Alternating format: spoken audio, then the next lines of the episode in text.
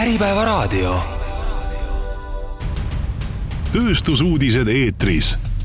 Eesti masinatööstust aitab eest vedada Radius Machining ja usaldusväärne tööjõud tuleb Hansavestist. tere, head kuulajad, algab saade Tööstusuudised eetris. tänases saates pakume teile kuulamiseks mullu novembris toimunud konverentsi Tööstusäriplaan kaks tuhat kakskümmend neli aruteluringi, mis keskendus jätkusuutlikkusele ja rohepöördele sellel teemal arutlevad Graanul Investi juhatuse liige Jaano Haidla, Saku õletehase juhatuse liige Jaan Härms ja protsessiseadmeid tootva Estanki tegevjuht Priit Haldmaa. vestlust juhib tippjuht Anti Orav, head kuulamist! täna on see ju mitmeid kordi läbi käinud, et jätkusuutlikkus on, on nii-öelda, tuleb meieni regulatsiooniga, aga teistpidi on jätkusuutlikkus ka ju teatud selline kultuurifenomen ja, ja meie kui sellised selline talupojarahvas jalgadega maas, et meie jaoks jätkusuutlikkus on tegelikult väga tähtis asi. ja, ja kui me vaatame kas või seda, et eh, ilma igasuguse sellise välise suure surveta on Eestis toimetanud ju vastutustundliku ettevõtluse foorum juba kahe tuhande kuuendast aastast, ehk siis see on üks nii-öelda selline vabatahtlik initsiatiiv, kus ettevõtted nii-öelda kogunevad selleks, et et, et nii-öelda siis eh, saada paremaks justkui, paremaks kodanikuks mitmes aspektis. aga nüüd läheb järjest nagu põnevamaks, räägime rohepöördest ja nii edasi, räägime sanktsioonidest ja ka nii Euroopa tasemel kui ka Eestis hakatakse panema survet peale, ehk siis et need, kes vabatahtlikult ei tahtnud, kes on nii-öelda talupoeglikult oodanud viimast hetke, kui enam ei saa, siis nendel on nüüd vaja ka hakata liigutama mis tegelikult siis äh, toimuma hakkab ja kuidas see meie erinevaid ettevõtteid puudutab, et äh, seda katsuks siis äh, veidikene, ma ei taha välja selgitada, natuke pretensioonikast nurgast näksida võib-olla natukene, me suudame siin järgmises vestlusringis ja paluks selleks siia lavale Graanul Investi juhatuse liige Jaano Haidla, Saku õlletehase juhi Jaan Härmsi ja Estanki juhi Priit Haldmaa, olge head! saad valida, kus sa soovid istuda noh, aitäh. ma istun ise siia siis.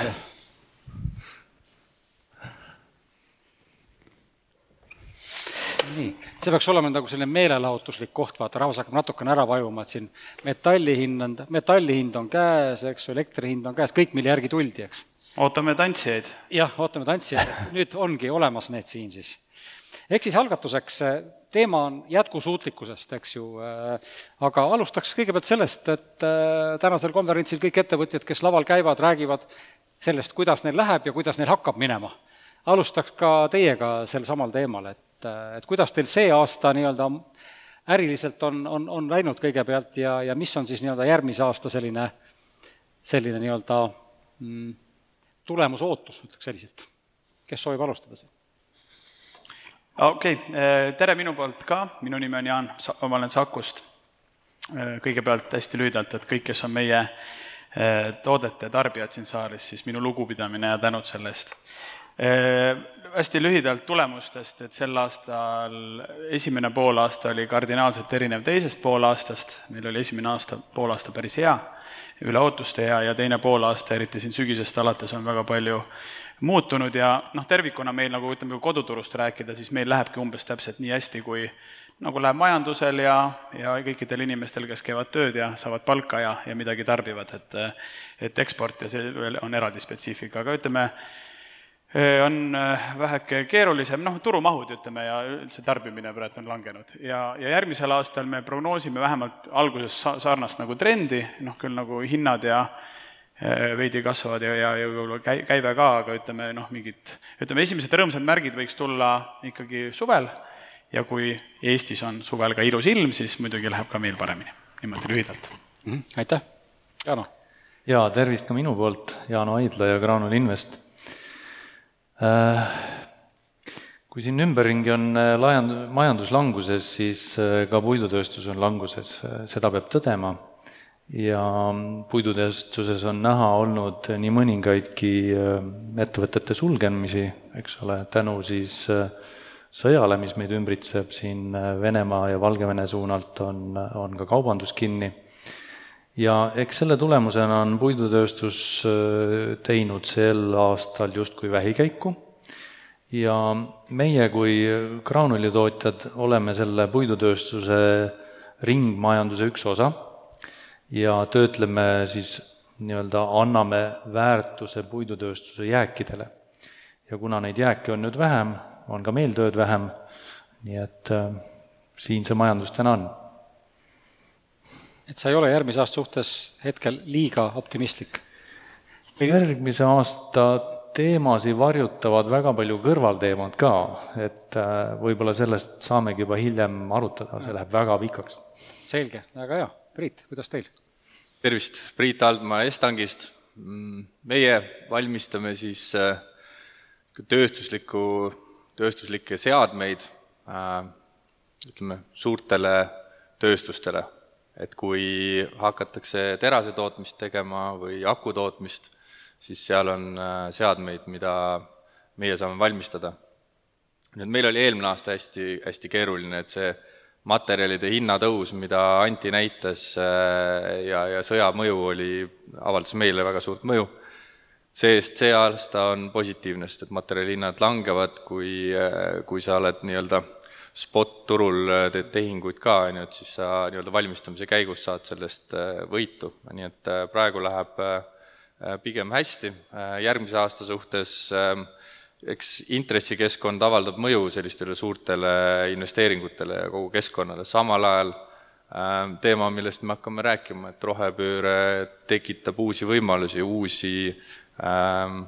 sellekohaseid investeeringuid tehakse, mingid sektorid kasvavad, energeetikasektoril on ju tegelikult läinud paar aastat hästi, tehakse, tehakse ähm, erinevates materjalitööstustes tehakse ka jälle niisuguseid uuendusinvesteeringuid palju. et äh, võimalusi on, pipeline on veidikene, veidikene hõredam, aga oleneb siis, kuidas sealt need õiged asjad välja noppida ja ära realiseerida, et et ma olen niisugune neut-, neutraalne järgmise aasta vaates. mis võib olla isegi positiivne hoiak, eks ju, kui vaadata no,, vaadata seda, et me teadlikkus või tea-, teadmine sellest, milline aasta tegelikult tuleb, on, on ikkagi üsna, üsna, üsna madal. Enne, kui me siin käis läbi juba rohepööre ja sellest rohedast, rohelast, rohelisest, noh, kindlasti me ka räägime, aga võtaks enne veel nagu natukene üldisemale, et sellest nii-öelda jätkusuutlikkuse teemast, eks, et jätkusuutlikkus, ESG, ütleme, kogu see temaatika, mida Euroopa tasemel siis äh, on asutud reguleerima, sel aastal siis börsiettevõtted, eks ju, peavad esimest korda esitama siis ka oma aastaaruandega koos ESG aruande, eks. Noh, ütleme, Carlsberg ilma ilmselt ei saa hakkama ja, ja, ja ma ei tea, kuidas teil, teil on ka ESG aruanne vaja esitada? jaa, meie peame ka esitama, jah. Estank pääseb ära ehk veel sel aastal? meie esitame seda vabatahtlikult. nimelt, te tahate ise teha seda rohkem eestlaslikult.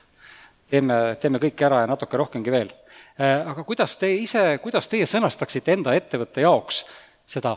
nii-öelda jätkusuutlikkust kui sellist, et mida see, kuidas teie ise seda mõtestate või olete mõtestanud seda oma ettevõttes? Mis see on, mis see nagu, kuidas te seda tajute, kuidas sellest aru saate? ma ei saatnud seda küsimust ette. ei, ei, ma ei mõtle, ma, ra-, noh, raport, me oleme seda koostanud juba päris palju aastaid, et hakkasime varem seda koostama, aga see selleks.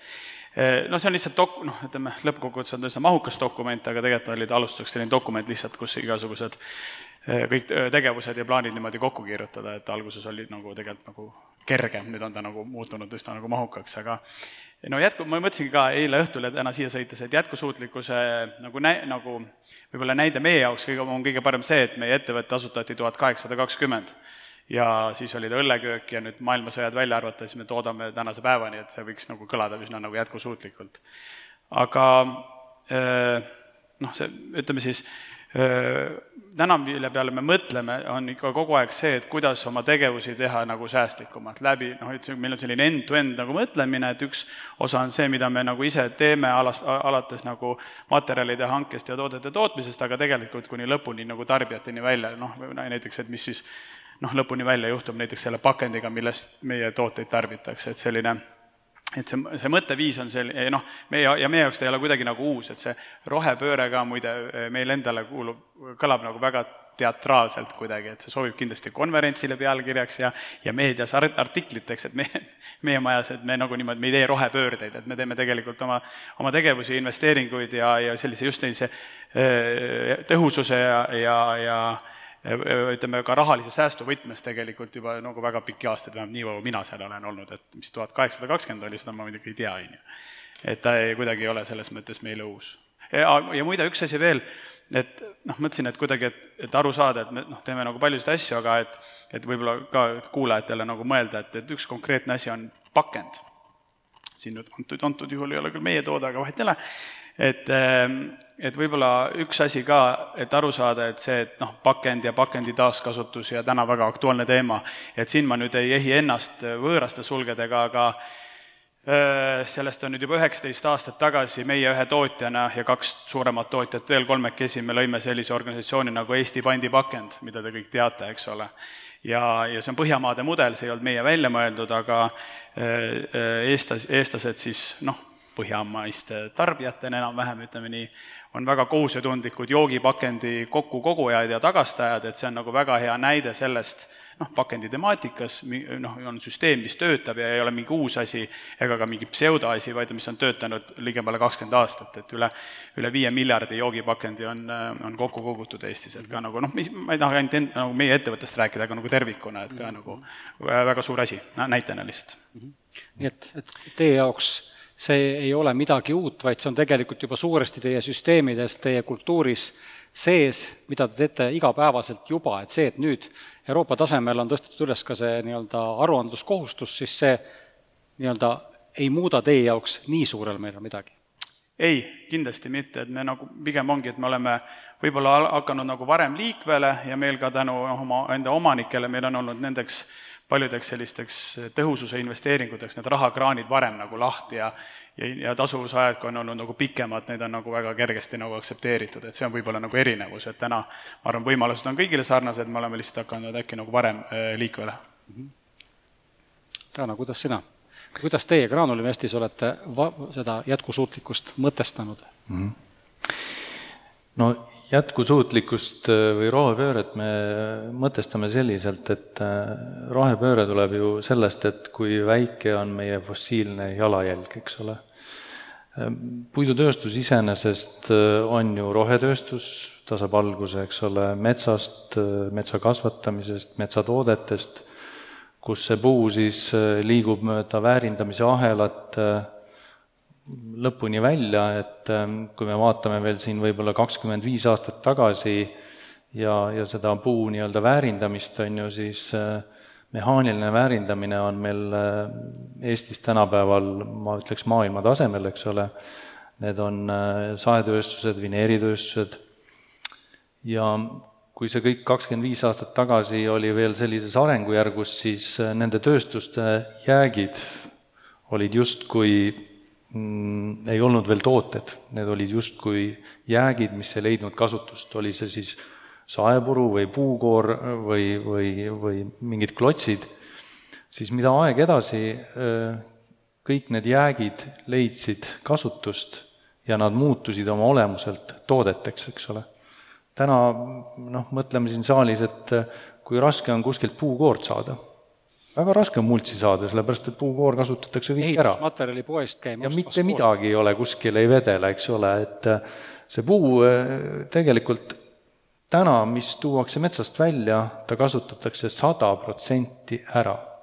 see tähendab, et äh, tema väärindamine sellisel moel, nagu me täna oskame teda väärindada, seda tehakse sada protsenti. nüüd on pikaajaline küsimus, et, et palju meil on siis teadmisi, oskusi, tehnilisi, tehnilist nii-öelda taiplikkust, investeerimisvõimekust, et seda väärindamise ahelat nii-öelda ülespoole järjest kergitada. Ja noh, eesmärk on jõuda ju äh, keemilise väärindamiseni, on ju, et eesmärk on jõuda sinna, et me äh, puiduga asendame need tooted, mida täna tehakse naftaga, just selles sfääris, kus, kus me räägime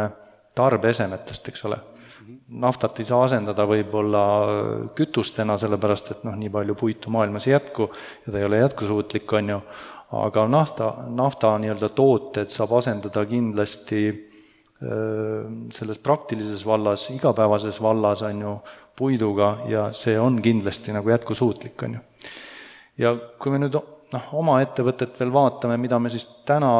teinud oleme, ilma et siin Euroopa isegi midagi oleks öelnud et kindlasti me oleme vähendanud oma nii-öelda fossiilset jalajälge sellega, et me kasutame rohelist energiat, mille me ise toodame, me kasutame ka rohelist sooja, mille me ise toodame, ja, ja üldiselt fossiilse jalajälje nii-öelda tipus ongi energia ja soojus, sealt järgmisena noh, tuleb nii-öelda toiduainete pool ja kolmandana transpordi pool, nii et äh, me üritame seda fossiili oma sisendites vähendada ja vähendada. ja kuna meie tehas ja tootmine on rohkem toormaterjali, siis äh, selline kokkupanemine et meil ei ole materjali äh, töötlust või, või, või materjali jääke on ikkagi nagu äärmiselt, äärmiselt vähe. et äh, siis meie tegevuses põhimõtteliselt selline jalajälg on väga väike, et noh, kui me nagu paneme sellesse äh, perspektiivi, et, et, et siin välja toodud ka, et tsemendi tootmine, et, et me tarnisime siin seadmed tsemendi tootmisesse, mis aastas emiteerib kaheksasada tuhat tonni CO kahte siin mõned äh, suuremad äh, terasetootmised äh, Saksamaal on viis miljonit. meie tehase kümme tuhat ruutu aastane jalajälg on viiskümmend tonni, kõik. See on, see on tuhandetes kordades väiksem. et, et nüüd jätkusuutlikkus, noh, rohepööre minu jaoks on ka midagi muud, see on, see on äh, energeetika valdkonna tootmiste transformatsioon täielik, aga jätkusuutlikkus äh, on tegutsemisviis. ja, ja, ja, ja nagu välja toodud, et, et me oleme nagu põhjamaised tarbijad, siis ma arvan, et meil, kui tekkis see, see mõte selle ümber ennast nagu kujundada ja neid sõnumeid looma hakata Äh, sa hakkad äh, väärtuseid selle ümber äh, kujundama, siis, siis eestlased, ma arvan, et on üks väga jätkusuutlik rahvas oma käitumismudelite poolest nagunii. Nüüd, kas me oskame seda ka ära kirjeldada, eesmärgistada, veel natukene paremaks timmida ja siis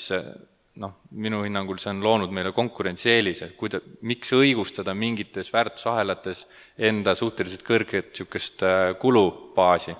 Et, et mit-,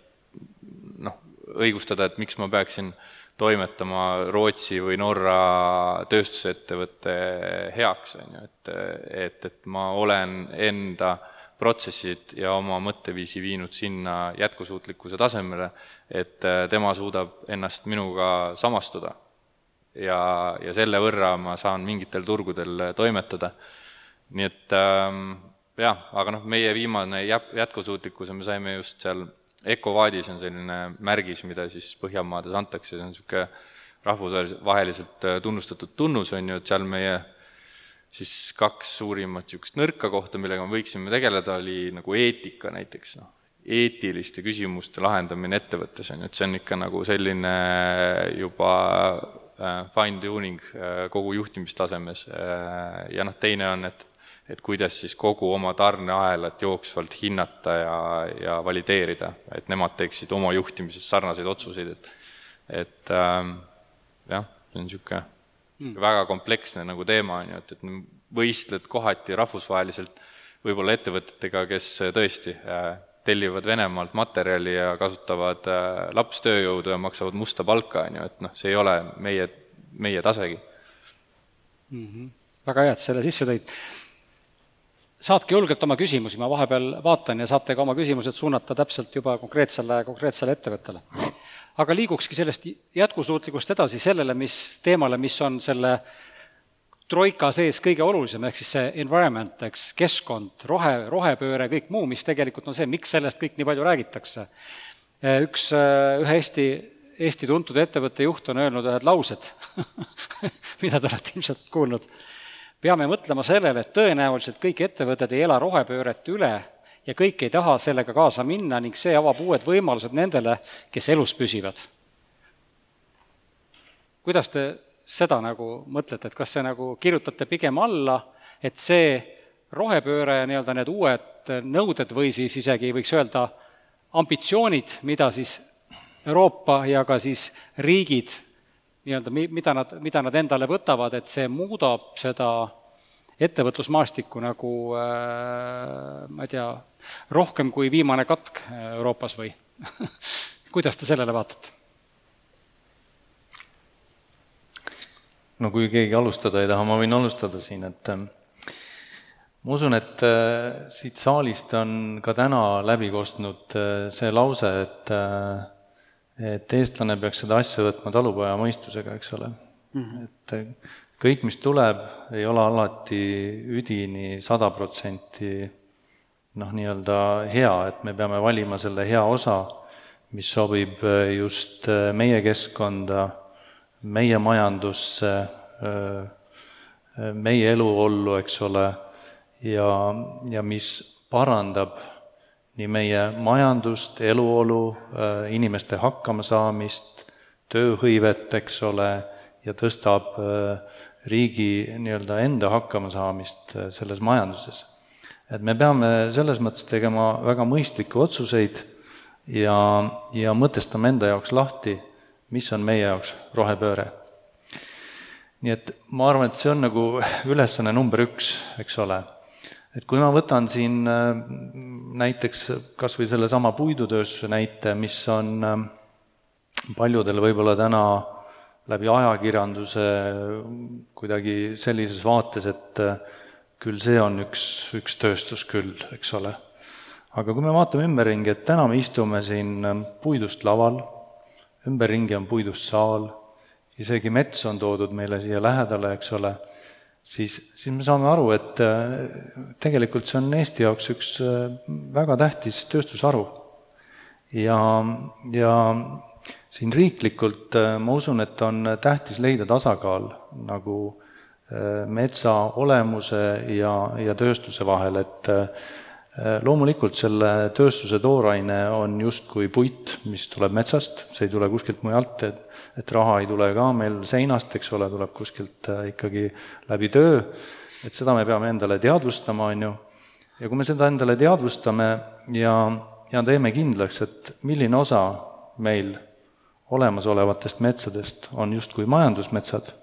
ja milline osa on nagu see osa, mida me tõesti tahame kaitsta iga hinna eest kuhu me ei roni majandusega, siis see peaks olema selline ühiskondlik kokkulepe. et, et on majandus, ehk et sealt, kus inimesed saavad oma sissetuleku, leiva, oma, oma hakkamasaamise, riik saab oma nii-öelda majandusliku rikkuse, eks ole, ja on teine pool, mida on visuaalselt hea jälgida, kus on palju loodust, palju mitmekesisust, et seal peab olema tasakaal ja me peame ise leidma selle tasakaalu, et me ei, ei, ei saa lähtuda sellest, et Euroopa ütleb, milline peab olema see meie tasakaal ja mida me peame tegema. et ilmselgelt me Saharat ei suuda päästa. see on, see on ka ilmselge, me võime siin Eestimaa kas või puid täis istutada, aga Saharasse sellest mitte midagi juurde ei teki, eks ole, et me, siin tuleks äh, see eestlaslik nii-öelda tasakaal mängu võtta ja, ja see hea eestlaslik selline talupojamõistus ka mängu panna? ma, ma vist tean seda ettevõtjat, kes seda ütles. ilmselt. ja noh, see siis oli, et äh, paljud ettevõtted või osad seda rohepööret, äh, nimetame seda niimoodi, siis üle ei ela ma, ma ei ole temaga rääkinud sellest, ma ei tea, ma ei tea, mida ta silmas pidas. Ja kusjuures ma pean ütlema kindlasti, et see on, ma arvan, nagu sektorite lõikes ka väga erinev, et mul ei ole üle sektorite väga head nagu sellist ülevaadet ega, ega teadmist, aga see üks asi, mis ma mõtlesin, mida see võiks nagu tähendada, on need ettevõtted, kes on jäänud teatud nagu selliste ka jällegi nagu energiaalaste ja kõikide investeeringutega nagu väga hiljaks, et ütleme, et ei ole nagu tehtud, ei ole õigel ajal tehtud, ei ole mõeldud, on edasi lükatud. Ja ütleme, kui siis nüüd noh, kas keskkonnast, konkurentsist, klientidest, millest iganes tarbija ootustest tulenevalt peavad tegema ja peavad tegema väga kiiresti üle nagu oma võimete ja ka keskkonnas, kus, kus rahal on, mitte jah, ei tule nagu seinast, aga et on nagu kõrge hind, on ju, et see võiks olla võib-olla selline, ma ise nagu mõtlen, mis see äh, loogika on, sest tegelikult kui ikkagi on neid tehtud mõistlikult ja noh, äh, sekundeerin, et naab-, naaber siin ütles, et on talupojatarkus, aga noh, ütleme, ettevõtja ikkagi tegelikult ma väidan, et on pragmaatiline, on ju, et selline, äh, on tehtud neid investeeringuid nagu järjepidevalt, siis ma ei usu, et see on kuidagi, et ei ela üle, vaid vastu, ei ela üle, vaid vastupidi, see peaks olema konkurentsieelis. me ise nagu ikkagi mõtleme sellele, et mida rohkem me näitame nagu ka reaalseid tegevusi jätkusuutlikus valdkonnas, ütleme, erinevates siis ütleme alaliikides, siis seda enam on meil argumente ju oma kõikidele koostööpartneritele, oma klientidele, noh ja eriti nagu ütleme, mis puudutab veel väga palju ka nagu eksporti, et selles mõttes, et et ma vastu, ma olen kuidagi nagu vastupidi nagu mõtestatud, aga jällegi ma nagu ei tea konkreetselt, mis selle taust, taust nagu oli. aga mõte sama, et tegelikult, et oht on ikkagi siin ju olemas, et et kõik ettevõtted Eestis ei, ei ela seda üle, et mingisugused nõuded, mis tulevad, nõuavad võib-olla liiga suuri investeeringuid ja kes täna töötavad niimoodi mõistlikult, talupojatarkusega, madalate kuludega, nendel võib see raskeks minna, aga mis on äh, võib-olla veelgi olulisem, on see, et, et milliseks muutuvad klientide nõuded ehk siis, et väga suur osa Eestist ja Eesti tööstusest on ju suunatud Skandinaavia turule, et kas või sama see nii-öelda EPD temaatika, eks ju, mida ka siin, siin äh, eelmine esineja välja tõi ja, ja, ja et, et, et ühel hetkel on vaja panna oma toodetele juurde siis nii-öelda keskkonnasertifikaat ja, ja tean ka omast e, kogemusest mm -hmm. eelmisest elust, kui me tegime Rail Balticu projektile nii-öelda pakkumised, siis miinima-, miinimumtingimus oli see, et peavad olema EPD-d juures, teades oma vanu kolleege Norrast, nendel on kõikidel toodetel olemas juba EPD sertifikaadid, Norra ongi üldiselt ju kogu selle noh, keskkonnatemaatika teadvustamisega väga palju kaugemal ja nad on ka nii kaugel läinud, et et see võib olla üks koht, kus, kus paljud ettevõtted mõtlevad, et kas ma siis teen või ei tee, kuna klient hakkab nõudma ja, ja see on see temaatika, et Priit, kuidas sa, sina sellele teemale vaatad? No mina vaatangi seda, et ega igas turu nii-öelda pöördes kõik ettevõtted ei elagi seda üle, see on nagu paratamatus ja, ja, ja, ja ma olen ka nõus, et äh, riik võiks selgelt siis äh, juhinduda sellest, et millist majandust või tööstust ta tahab suunata. et, äh, et ega see rohepööre, noh, ma olen nõus, et meil ka kõige nõudlikumad on kliendid, kes on Norrast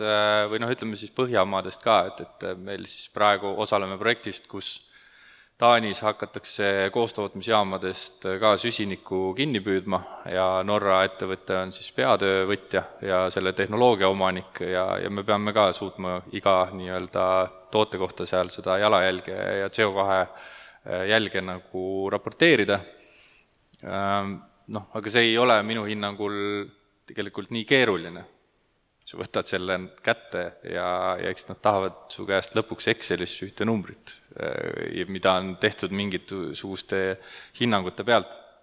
et ma näen ka seda võimalusena ja, ja meie oleme seda ka niimoodi teinud ja otsinud ka turge vastavalt sellele,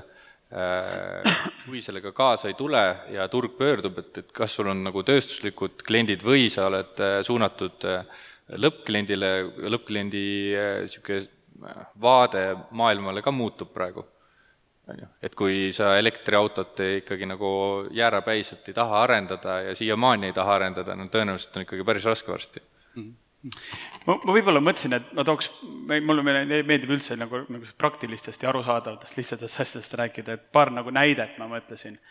noh, konkurentsieelisest ma mõtlesin, et kuidas me mõtleme sellele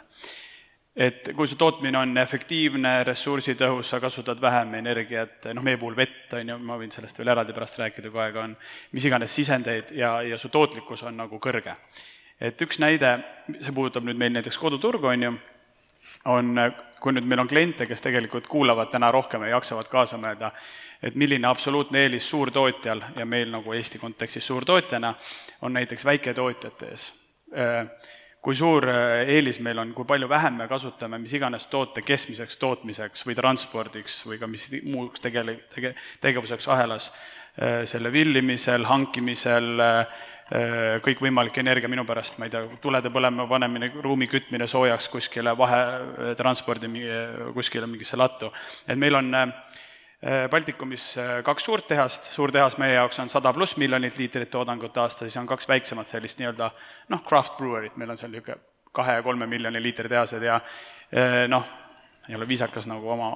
omanike tõttu ka nii öelda, aga ju-, juhtkonnana nagu reaalselt me mõtleme nagu iga juhatuse koosolek sellest, et kuidas seal väikestes tehastes vähem toota. see on väga kallis, meeletult palju me raiskame energiat, vett, toorainet, kaod väga suured, noh tegelikult nagu ikkagi suure tootjana, rääkimata kõrgetest kvaliteedinõuetest, meil ikkagi nagu, me oleme nagu keskkonna mõttes väga-väga palju efektiivsemad, ma väi-, ma väidan, et see kehtib enam-vähem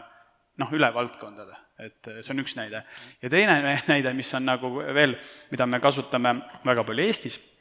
ka oma toodetega, et meie toodet oleks pool saadaval ja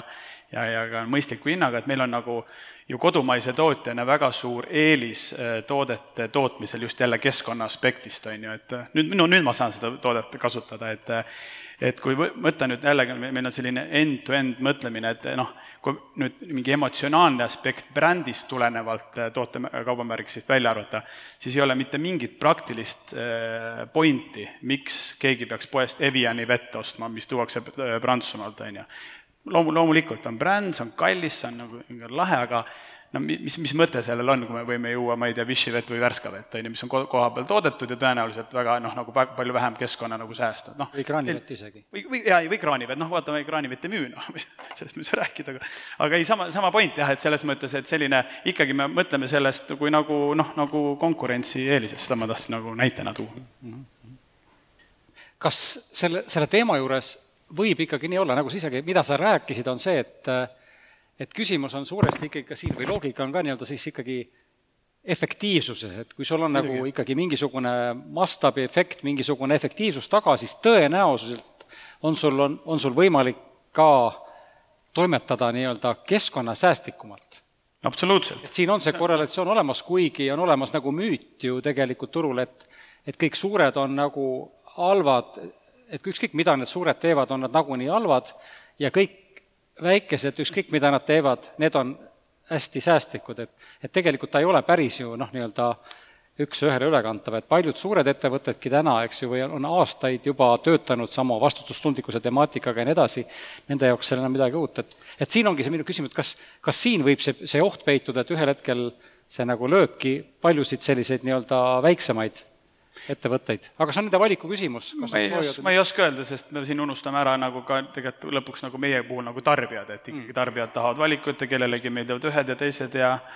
ja ma ei tea, mehed ja naised ja sotsid ja, ja, ja Isamaa ja ma ei tea, kes iganes toetajad ja, ja, ja, ja nii edasi, aga noh, selles mõttes, et ikkagi, ma ütlen, et ei ole nagu mustvalged nagu toonid, et muide, ma veel, mõtlesin ühe näitena veel teisest nüüd valdkonnast, kuna mis ei ole, mis on mulle võõras, aga võib-olla kehtib, et äh, reedel oli Vikerraadios see Ain Hanschmidt rääkis ja noh, Infortarist, aga ütleme, noh, Tallinkist kõik teavad, millest jutt on ja mis ettevõte nii ja ja tema tõi selles mõttes nagu hea näite, et laevanduses äh, surutakse peale ju ka neid keskkonnatasusid, kui sa ei lähe üle mingis osakaalus siis puhtale kütusele. ja vot see on nagu ajuvaba, et kus puudub nagu mingi loogika, sellepärast et puudub reaalne nagu noh, pole välja arendatud tehnoloogiat ja võimalust isegi seda kasutusele võtta, sest seda ei eksisteeri ja tänu sellele siis maksustatakse Euroopas nagu siis nagu üle, et seda nagu just seda komponenti, et et see mulle, ma kuulasin, mõtlesin, vot see on nagu jabur, eks ole, et kui sul nagu ei olegi nagu lahendust, eks ole, noh, neid pole veel välja töötatud.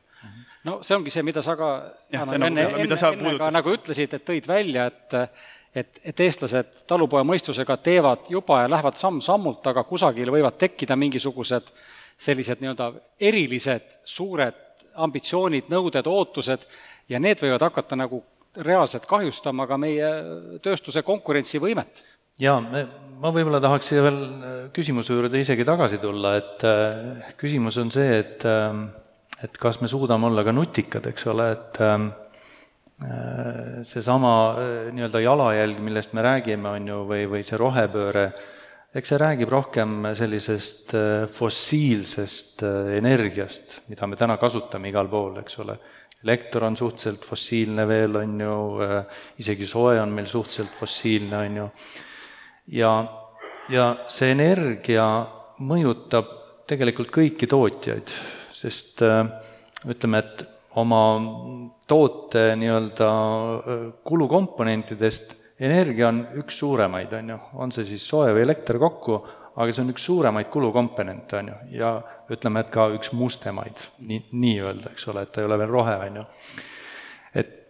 siin peaks olema nutikas. loomulikult paljudele käib see üle jõu, on ju, kui nad on üksi või väiksed, on ju, aga ma siin äh, selle konverentsi käigus äh, võib-olla koridoris viskasin välja osadele inimestele sellise mõtte, et äh, kui meil on olemas tööstusklastrid, ehk seal on palju tööstusi koos mm., on siis palju väiksemaid koos, palju suuremaid koos, on ju, siis kamba peale kokku luua kas siis elektri- või soojalahendused, sellised, mis ei ole täna fossiilsed, kus sa elektrit tarbid nii-öelda otselingiga, sa isegi ei tarbi seda läbi ähm, jaotusvõrgu, ehk et sa võrgutasu saad elimineerida enda jaoks. et, et selliseid kombolahendusi tuleks välja mõelda. Ja, ja kui siin riik ütleb, et jah, see on tema rohepööre üks, üks nurgakividest ja meil on siin äh, nii-öelda Euroopast tulevad rahad, mida me võiks investeerida, eks ole, siis see võiks olla noh, näiteks üks lahendusi, eks ole, et meil on tööstuste sellised klastrid, kellel on oma kindel energiatarve, soojatarve,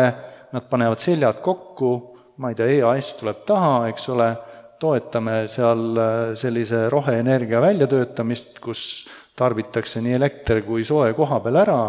võrku ei lähe midagi, võrgust me ei taha midagi, võrk on igaks juhuks, me saame võrgukoormuse maha, me saame elektri hinna maha, sooja hinna maha, on ju, ja me oleme jälle jätkusuutlikud, me oleme jälle konkurentsis, et et äh, selliseid asju tuleb lihtsalt välja mõelda. Priit, soovid sa midagi praegu lisada? Ma lihtsalt äh, kuulata siin ja, ja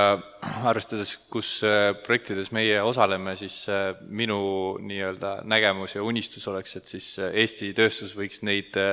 lahendusi välja mõelda ja siis eksportida neid veel järgmise sammuna. et siis, et... ma küll ei tea energeetikast nii palju, et, et kui nagu keeruline see on või, või, või kui palju peab siis välis know-how'd sisse tooma, aga noh, see on see nagu see rohepööre minu jaoks on nagu äh, suurim väljakutse, et kuidas me suudame sinna välja arendada lahendusi, et sellest rohepöördest nagu Eesti pikas plaanis suudaks kasu lõigata, mida Euroopa üritab praegu noh, suhteliselt jõuga teha, et äh, väga palju toetatakse ju igast innovatsioonilahendusi.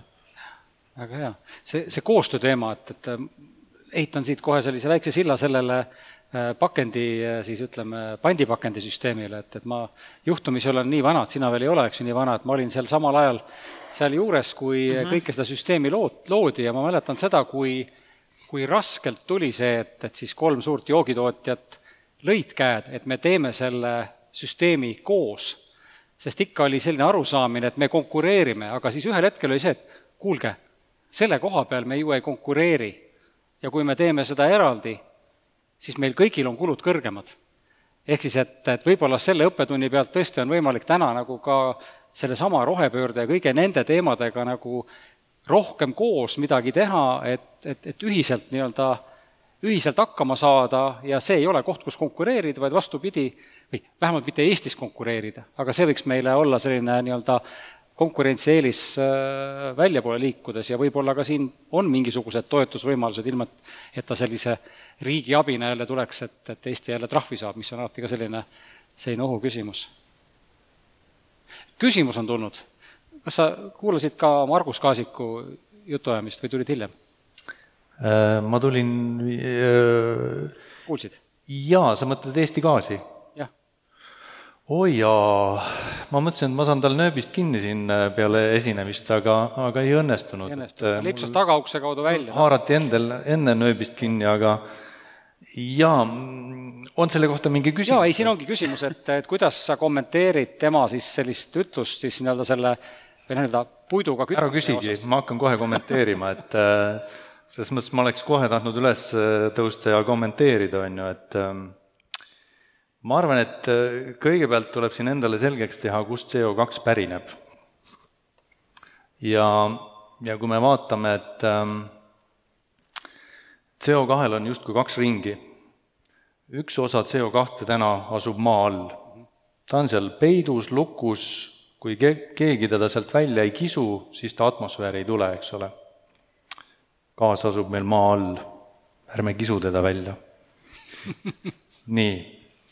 ja siis on maapealne CO2, eks ole, ja maapealne CO2 tegelikult käib ringi. et kui me võtame kas selle puidu, metsa, eks ole, et äh, puit kasvades muudkui seob, on ju, lõpuks, kui ta siis vananeb, kas nüüd ära mädaneb, siis ta nii-öelda emiteerib tagasi, ehk et see käib ringi. ja kui me selle puidu paneme õnnelikult mingitesse toodetesse, no kas või siiasamma seina, lauda, eks ole, mujale, ka, ka energeetikasse, on ju, siis, siis toimib maapealne ring. ehk see ring toimib kogu aeg, on ju, sinna ei tule kuskilt midagi juurde, sinna väga palju ära ka ei kao, ta ringleb. vahepeal on ta, CO2 on küll suurem sisaldus nii-öelda maakera peal, vahepeal väiksem, see oleneb, kuidas ring töötab. aga kui me sinna ringi nüüd pumpame maa alt CO2, mis oli justkui väga ammu peitu pandud, miljoneid aastaid tagasi, ja kui me seda nüüd pumpame sinna ülesse ja ütleme, et CO2 osatähtsus kasvab, on ju, ja, ja hakkame võrdlema, et kes nüüd palju emiteerib, on ju, siis see on asjatu võrdlus. see on täiesti asjatu võrdlus. nii et äh, võib-olla puit konkureerib gaasiga, kui me läheme siit edasi, eks ole, ma ei tea, kas see on integreeriv, on ju, või, või, või seda peaks nagu laiendama, aga aga võtame kas või needsamad graanuleid, on ju, millest täna räägitakse, et oh-oo, miks te nii palju ekspordite? Mina küsin, et aga miks te siis kodumaiselt ei kasuta neid gaasi asemel? miks te ei kasuta? miks me peame eksportima? hakake kasutama. unustage see gaas. me ei pea seda maa alt siia tirima, on ju. kasutame seda ressurssi, mis meil on, teeme seda mõistlikult, on ju. et tänased kõik tipukoormused nii-öelda kaetakse gaasiga, on need siis koostootmisjaamad linnade kõrval, on väga külm talv, on ju, biomass on justkui märg, see, mis tuleb katlasse, see ei anna piisavalt sooja, tipp on vaja katta, lükkan gaasikatla taha. lükka siis graanulikatel taha, miks sa gaasikatlat lükkad taha, eks ole, kata see tipp ära. sest graanul iseenesest on, on nagu päikesepatarei, aga ta on puidu kujul. seesama pisike graanul on nagu puidupatarei, mis sisaldab täna energiat, on ju kas me seda patareid kasutame ise, müüme need patareid maha, see on ju äh, meie enda valik, eks ole, siin meie ühiskonna valik, mis me sellega teeme. ja kui ta täna on ka nii-öelda energiapatarei, siis ta homme tegelikult on keemiatööstuse tooraine. sest see on üks samm keemiatööstusele lähemale. selle puidu peab äh, muutma mingisse konventeeritavasse nii-öelda vormi, mida keemiatööstus saab siis äh, rakendada, eks ole. ja, ja graanul on juba see commodity või, või see ülemaailmne vorm, mida me saame siis puidukeemiatööstuses rakendada, mille läbi me saame jälle nii-öelda naftale öelda ei, eks ole. et me oleme selle sammu teinud, me teeme siit samme edasi,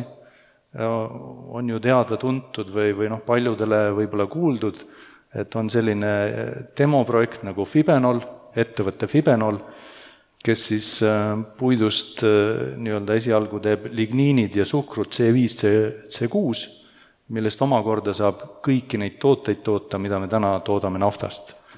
nii et kõik see arendustegevus käib. nii et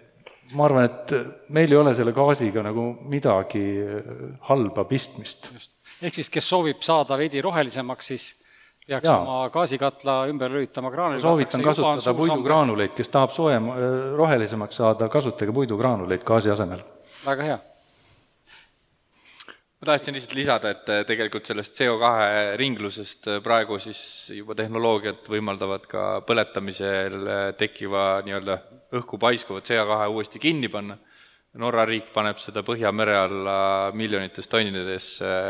ladestab nii-öelda vanadesse gaasimaardlatesse uuesti tagasi. suhteliselt kallis lõbu küll nii-öelda nagu mm -hmm. iga energeetikaühiku tootmise jaoks, aga, aga see on nagu reaalselt olemas ja need projektid nagu to-, mm -hmm. praegu olemas. aa, tuli veel kaks küsimust, ma võtan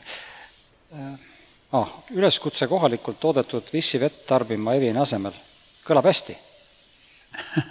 minu jaoks väga hästi. samal ajal müüte õlut eksportturgudel, kuidas selline üleskutse mõjutab Saku õlletehase ärilist jätkusuutlikkust ning kõik riigid,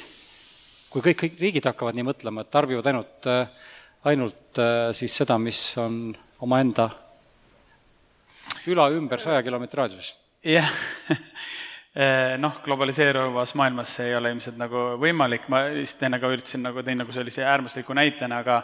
et eh, lihtsalt nagu selliseid päris äris musti ja valgeid toone ei ole, et on ka vahepealsed, et me ei saa ära unustada tarbijat, noh et kõigile üks asi ei meeldi, on, on olukordi, kus meeldib mõni toode, näiteks on ta vesi või õlu või või importtoode meil või ka siis meie toode impordina kuskil mujal riigis, et aga noh, minu nagu mõte oli see, et nagu valdav osa sellest tarbimisest on loogiline, kui sul on kodumaine tööstus ja me ei räägi ühest ettevõttest, neid ettevõtteid võib olla mitu ja seda enam, kui nad on ka nagu nii-öelda noh, kas jätkusuutlikud või rohelised või äärmiselt efektiivsed, et siis on loogiline, et nagu suur osa sellest nagu tarbimisest on ikkagi kodumaine, et see annab tegelikult nagu väga suure eelise keskkonnale et see tegelikult, ka see transpordikomponent ei ole ju mitte nagu väike, et muide, meil endal ka, veel kord mainin kolmandat korda, sorry, see end-to-end mõtlemine, et meil noh, see, mida me ise saame teha, me, me nagu mõjutame, aga ega meil ka siis noh, kodu, kodumaal, et meil on märkimisväärne osa energiast kulutame ära ju kaupade transpordiks siseriiklikult ja siis konteinerveod on rahvusvaheline. et seal ei ole niimoodi, et nüüd mina või minu kolleegid peame välja mõtlema, et kuidas seda roheliselt transportida, sest meil ei ole ühtegi sõidu, ühtegi transpordisõidukit, meil on kõik allhanketeenusena, et see on siis tegelikult, see on mingi tulevik, kuidas siis, mida teeb siis maanteetransport, mis palju annab võimalust säästa keskkonda, Rail Baltic ja mis siis mingi konteinerveod, et kuidas seal on siis mingisugune roheline ja ütleme ka nagu selline taastuvenergia osakaal, et see ei ole nagu meie teema, et aga äh, üleskutse jah, et äh, loogiline ole, muide, ma laiendan seda, ma kuulsin, et Sirje Potissepp oli enne, enne siin, ma ei näinud teda. et üleskutse on niikuinii sellest sõltumata tarbida valdavalt ikkagi ko-, noh, kohalikku toodangut, ma nagu laiendan, et nagu nii toitu kui ka nagu jooke, et äh, importtoodetel on nagu oma roll, noh näiteks importtoodetel on kindlasti väga ro-, suur roll, kui alkoholist rääkida, veini kategooriast, et äh, noh, sina tead ka kodumaiseid äh, veine, aga valdav osa veinidest ikkagi ei ole täna, me ei saagi olla nagu kodumaine, et aga, aga mis puudutab nagu muid jooke ja vesi, miks mitte, et ma arvan, et on loogiline, et on kodumaine. kraanivesi on väga ja ka kraan, üles kraanivett kõik. kraanivesi. veel üks äh, jah-ei vastus sulle, et äh, kas graanulitest ehk siis tänasest äh, Eestis toodetavast graanulist piisab gaasi asesta-, gaasi asendamiseks? jääb ülegi. jääb ülegi. et saaks veel eksportida ka? saab veel eksportida ka. nii palju, kui meil neid puidujäätmeid tekib, nii palju tekib graanuleid, eks ole, ja ja kui me vaatame, et mitu teravatt-tundi siis gaasi Eestis kasutatakse,